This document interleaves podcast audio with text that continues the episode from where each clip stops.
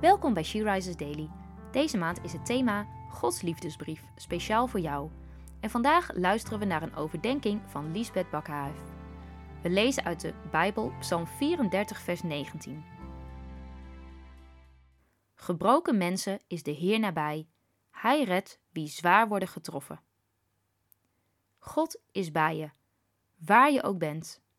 Wanneer je in een moeilijke situatie zit, kan God zo ver weg voelen, terwijl je hem juist dan zo hard nodig hebt. David, die vele psalmen schreef, wist daar alles van. Hij koos ervoor het uit te roepen naar God, zijn verdriet bij hem te brengen en hem te blijven prijzen wanneer hij door een donker dal ging. Bij hem mogen we schuilen. Hij luistert naar ons en geeft troost. Hij stuurt engelen om ons te beschermen, redt ons en geeft nieuwe kracht. Bij deze tekst moest ik denken aan opwekkingslied 729.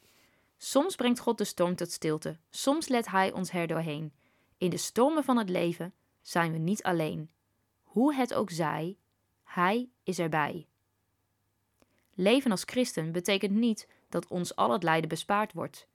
Ik heb veel vrienden in Oekraïne, waar het nu oorlog is. Er is veel leed, verlies en verdriet. Maar ze blijven God prijzen en vinden kracht bij Hem.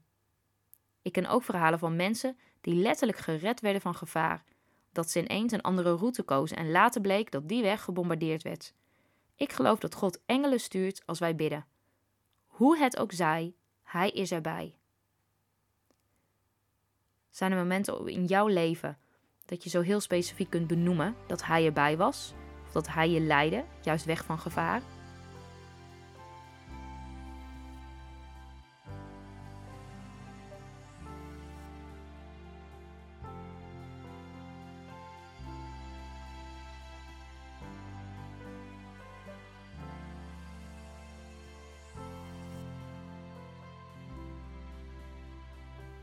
Laten we samen danken. Dank u, Heer, dat we bij u mogen schuilen, dat u bij ons bent, waar we ook doorheen gaan, dat u de weg baant en ons niet beproeft boven ons kunnen, dat u trouw bent en vol liefde. Amen. Je luisterde naar een podcast van She Rises. She Rises is een platform dat vrouwen wil bemoedigen en inspireren in hun relatie met God.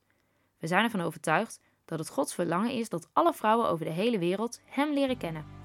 Kijk op www.she-rises.nl voor meer informatie.